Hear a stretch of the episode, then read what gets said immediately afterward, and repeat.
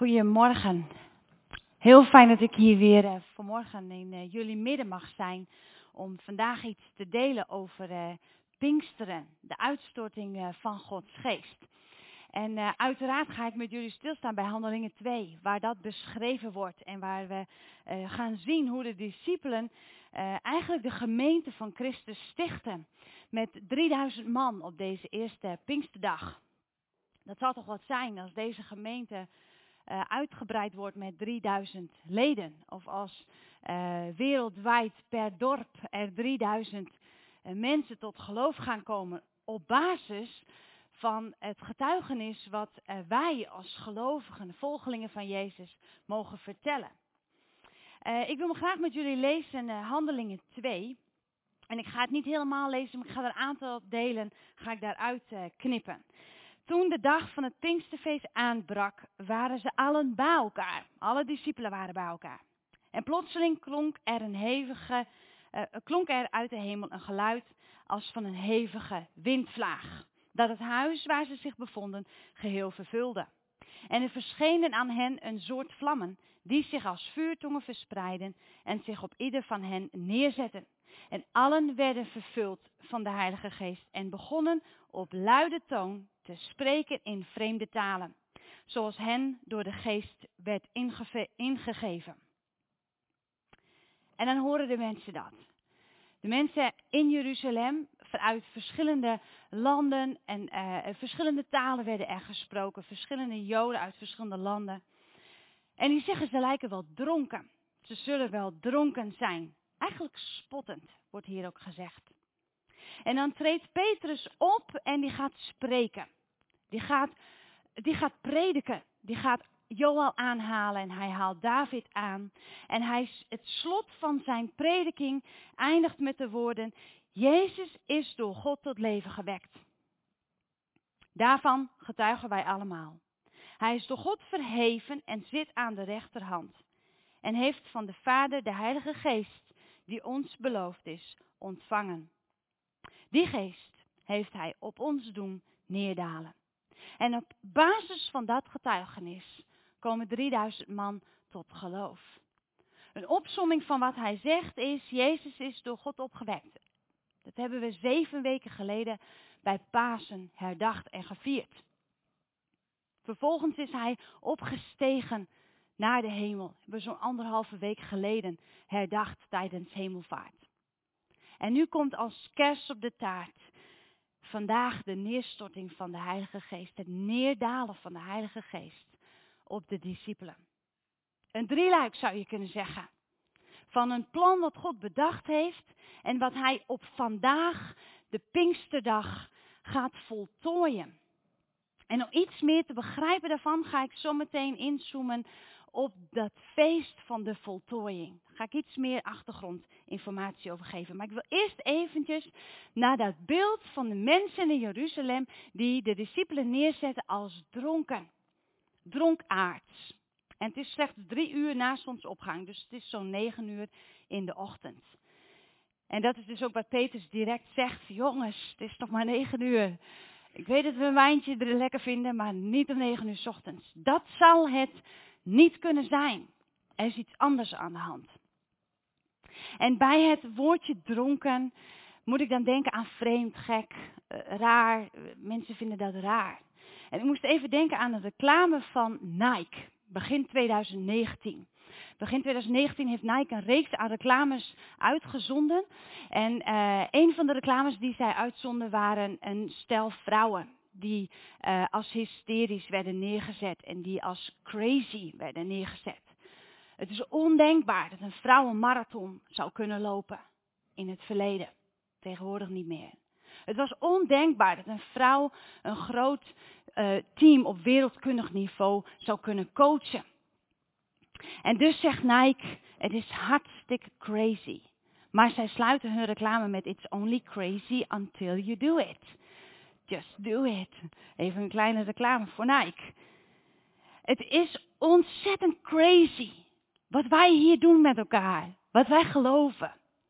En je zou bijna kunnen zeggen, it's only crazy until you do it. En zij, zij hebben in hun slogan overkoepelend, show them what crazy can do. En toen dacht ik, eigenlijk zou je boven handelingen 2 kunnen plaatsen, show them what crazy can do. Want dat is eigenlijk precies wat hier afspeelt. Wanneer de discipelen de uitstorting van Gods geest krijgen.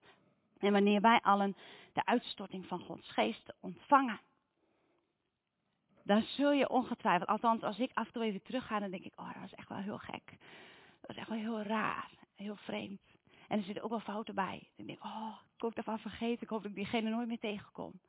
Omdat je op een of andere manier gegrepen door Gods geest crazy dingen doet. En die mogen we ons ook naar uitstrekken. En op het moment wanneer de discipelen uit het huis komen, dan moesten ze zich eigenlijk verklaren. En uh, ik vind dat heel mooi treffend, wat, wat Petrus hier aan het slotsom van zijn prediking doet, is dat hij eigenlijk een, een soort van samenvatting geeft, wat ik net ook zei. Die drieluik, Jezus is opgestaan door God, opgewekt uit de dood. Hij is verheven naar de hemel en hij is vervolgens, heeft hij zijn geest op ons doen neerdalen. Dat is wat je ziet en hoort. Ik vind het zo treffend wat hij zegt. Hij schetst het en dan zegt hij precies dat. Die uitstorting van Gods geest. Nou, eventjes terug naar wat er nou eigenlijk precies afspeelt. Want tijdens deze eerste Pinksterdag is, het, uh, is Jeruzalem gevuld met Joden uit verschillende windstreken. Die zich daar hadden gezetteld. Maar die waren ook met elkaar samengekomen uit heel Israël om met elkaar een feest te vieren. En wij noemen dat in het Nederlands het Wekenfeest. En uh, in het uh, Joods spreek je dat uit als Javut. Het feest dat gevierd wordt zeven weken na Pesach waarbij de gerstoogst wordt gevierd. De gerstoogst start net na Pesach en uh, zeven weken tijd uh, om uh, de gerst binnen te halen. Het is ook de eerste oogst van het jaar. En dat viert het Joodse volk op dat moment, eerste Pinksterdag. En zij vieren ook de gegeven wet, de Torah. Tijdens het Pesachfeest vieren ze de uittocht uit Israël, oh sorry, uit Egypte. En zeven weken nadat ze uit Egypte zijn bevrijd, geeft God het volk Israël de Torah op de Sinaï, op de berg Sinaï. En uh, Joodse geleerden leerden het volk dat tijdens het, het geven van die wet het Joodse volk in slaap gesukkeld was. Nou, die voorbeelden kennen we, die kennen we te over. Dat er op spannende momenten de slaap gevat wordt. En dus wordt dit feest gevierd met een nacht opblijven op de, de nacht van eerste Pinksterdag is een nacht waarbij Joden de hele nacht wakker blijven. En de wet overdenken en bespreken en overpeinzen, zou David zeggen. En uit de wet lezen. En Rut wordt onder andere gelezen en andere schriftgedeeltes worden daar gelezen. Dus je moet je voorstellen, op die Pinksterochtend om negen uur s ochtends, wanneer de discipelen vol vuur beginnen te preken, hebben ze er een hele nacht waken op zitten. Een nacht van overdenken van Gods wet. Een nacht van bedenken wat daar nu eigenlijk gebeurd is. En als je teruggaat naar wat er gebeurde op die berg Sinaï, was dat God die de wet gaf aan Mozes, zodat Mozes die aan het volk kon geven. En hoe deed hij dat? Hij openbaarde zich met rook en vuur. Dat was een spektakel wat daar gebeurde. En wanneer het Joodse volk ieder jaar opnieuw bij Pinksteren, oftewel bij de Shavuot, dit herdenkt, is het dit ene jaar totaal anders. De discipelen waren daar niet opgesloten uit onzekerheid of angst. Ze waren daar niet in een ruimte afwachtend van wat gaan we nou doen. Ze wisten heel goed wat er ging gebeuren. Ze waren daar in die ruimte om te ervaren en te vieren dat God het werk zou gaan voltooien. Want dat is precies de essentie van Shavuot. God had het Joodse volk uitgeleid uit Egypte. Ze waren lijfelijk bevrijd. Zoals jij en ik lijfelijk bevrijd zijn uit de ellende van een sterfelijk lichaam. Toen Jezus opstond uit de dood. Maar met eerste Pinksterdag vieren we de voltooiing, zoals het Joodse volk de voltooiing vierde, het ontvangen van de wet. En wat ontvangen wij? De vervulling van die wet. Namelijk Gods geest, die in jou en mij woont. Ik heb een paar weken terug hier gesproken over uh, Pesach, over Pasen, de opstanding van Jezus. Waarbij ik het beeld schetste van wat als we Jezus nou zouden kunnen grijpen en vasthouden hier op aarde. Wat zouden er dan van ons geloof terechtgekomen zijn? We zouden hem als een icoon maken. We zouden hem uh, vastplaatsen als een, als een altaar of, op een altaar plaatsen. Hoog verheven, zodat we hem allemaal op dezelfde wijze zouden kunnen aanbidden. Maar Jezus vertrekt naar de hemel om het te kunnen voltooien omdat op een of andere manier God een mysterie van een persoonlijke relatie wil aangaan. Ik wil wonen in jou zegt hij daarmee. Dus de discipelen waren daar en ze wisten, dit keer gaat Pinksteren anders zijn. Ik, het staat niet geschreven, maar ongetwijfeld hebben ze geweten, dit keer gaat Pinksteren anders zijn. Want dit keer gaan wij de voltooiing van het werkelijke gebeuren wat er afspeelt zien en meemaken. Ze vierden Shavuot de hele nacht, Gods over pijnsen. Gods geest stort niet uit na een nacht treuren. Na een nacht nou, onzeker zijn over wat er gebeurt.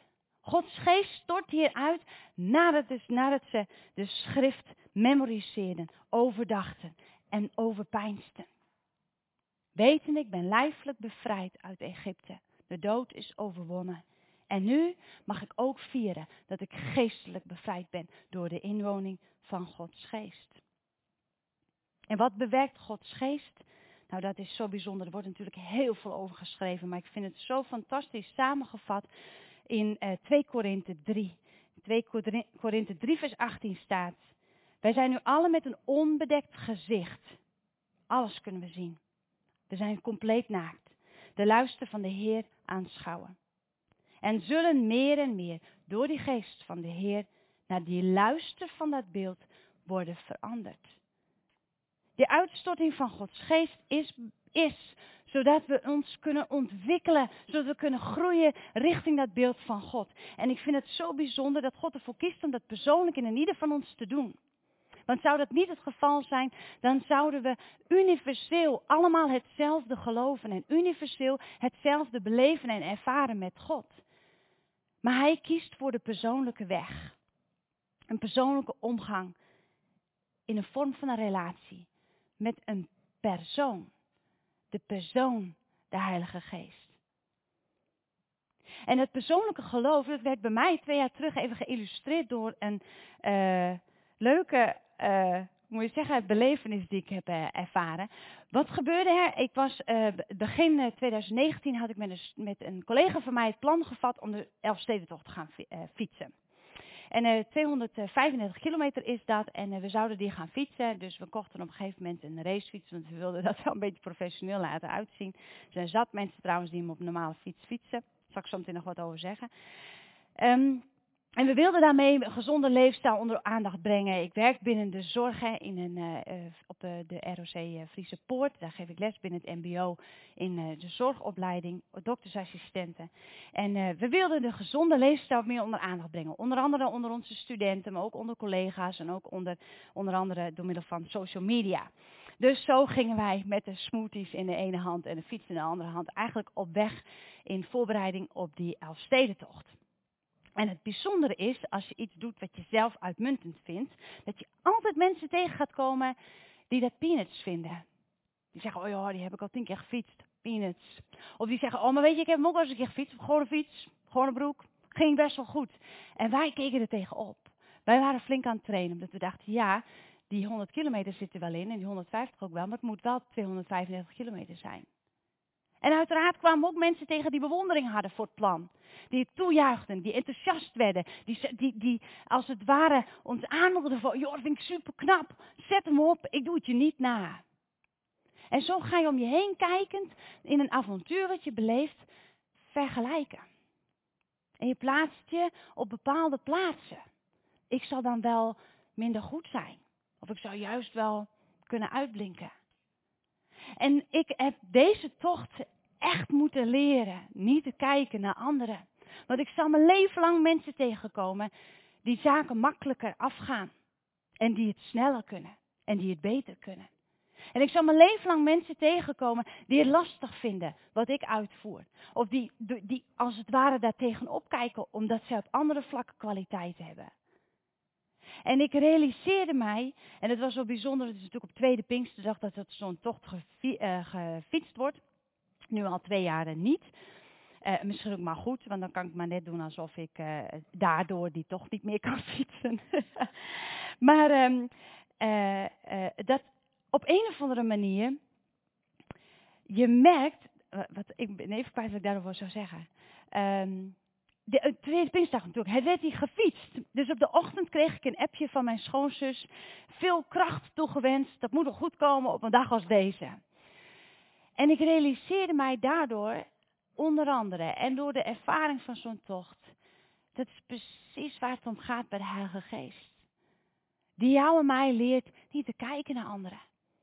Niet te kijken naar wat voor ontwikkeling zij al doorgemaakt hebben met Hem. Niet te kijken naar wat zij al beleefd hebben met Gods geest. Hoe ver zij al zijn. Ook niet te wijzen.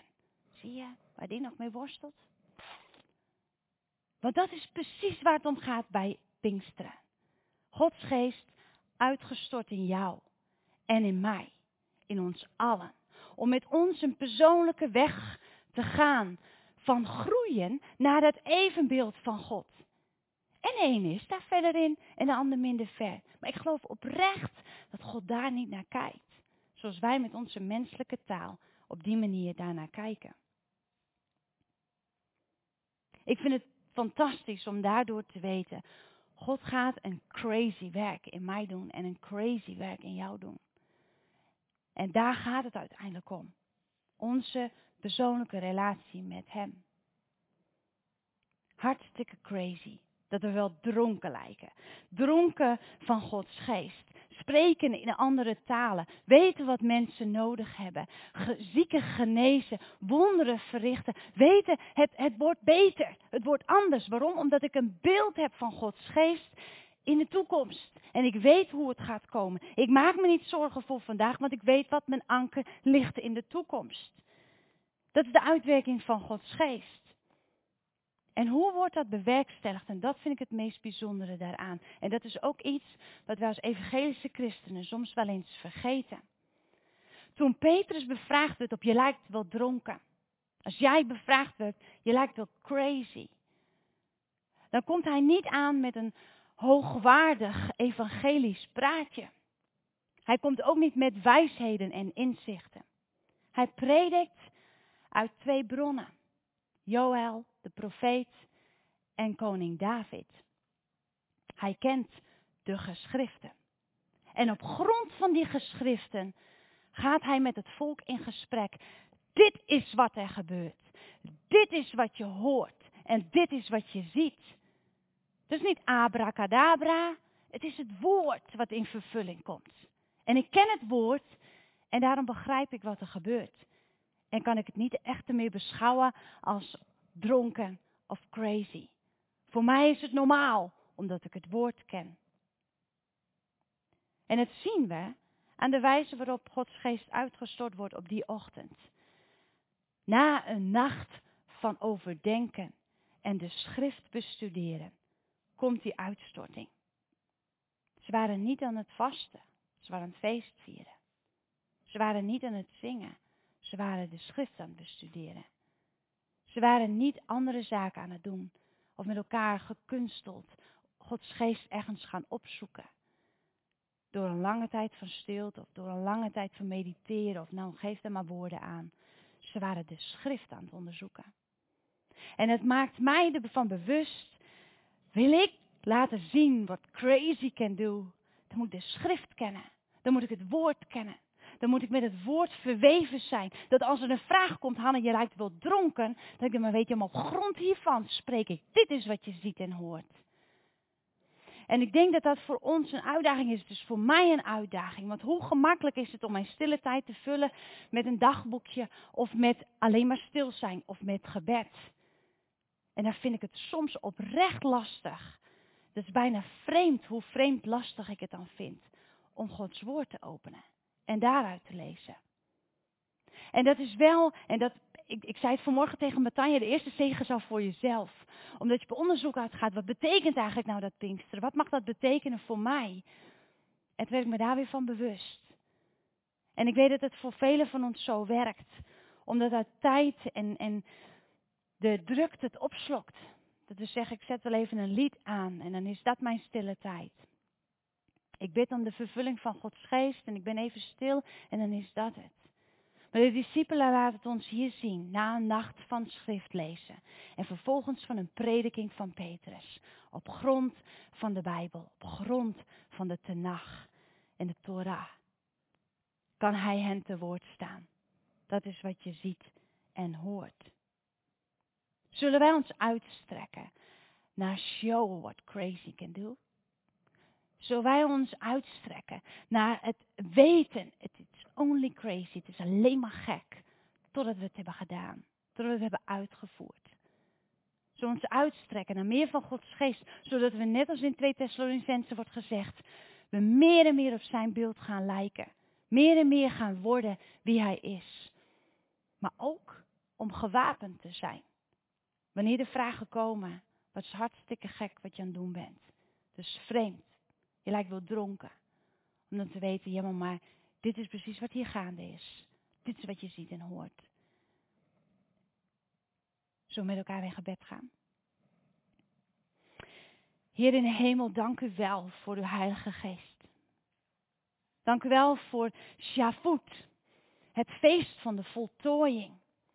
En dank u wel dat u in dat jaar dat u uw Heilige Geest uitstort op de discipelen, heeft laten zien, jongens, ik breng het nu echt tot voltooiing. Al jarenlang vieren jullie Shavuot. Maar vandaag ga je de voltooiing meemaken. En laat ons vandaag ook dat feest van de voltooiing meemaken. Waarbij we ontdekken en leren en ervaren wat uw geest in ons leven doet. Namelijk worden tot een evenbeeld van u. Ik bid voor een ieder van ons, voor mezelf, maar ook voor de mensen hier in de zaal, de mensen thuis. Kom met uw Heilige Geest en stort uw geest uit op ons. Allen. Opdat we vervuld van uw geest prediken en spreken als waren we crazy. Wetende, it's you. U bent het. U bent het die we zien en die we horen. U bent het die de menigte ziet en hoort. Ik bid dat, Heer, in de hemel. En Heer Jezus, ik bid ook dat U die vervulling geeft en ons dat zeker weten in ons hart plant. Dank voor uw persoonlijke relatie. Heer, en dank voor het Pinksterfeest. In Jezus' naam. Amen. We gaan met elkaar eh, zingen. Het lied sluit heel mooi aan.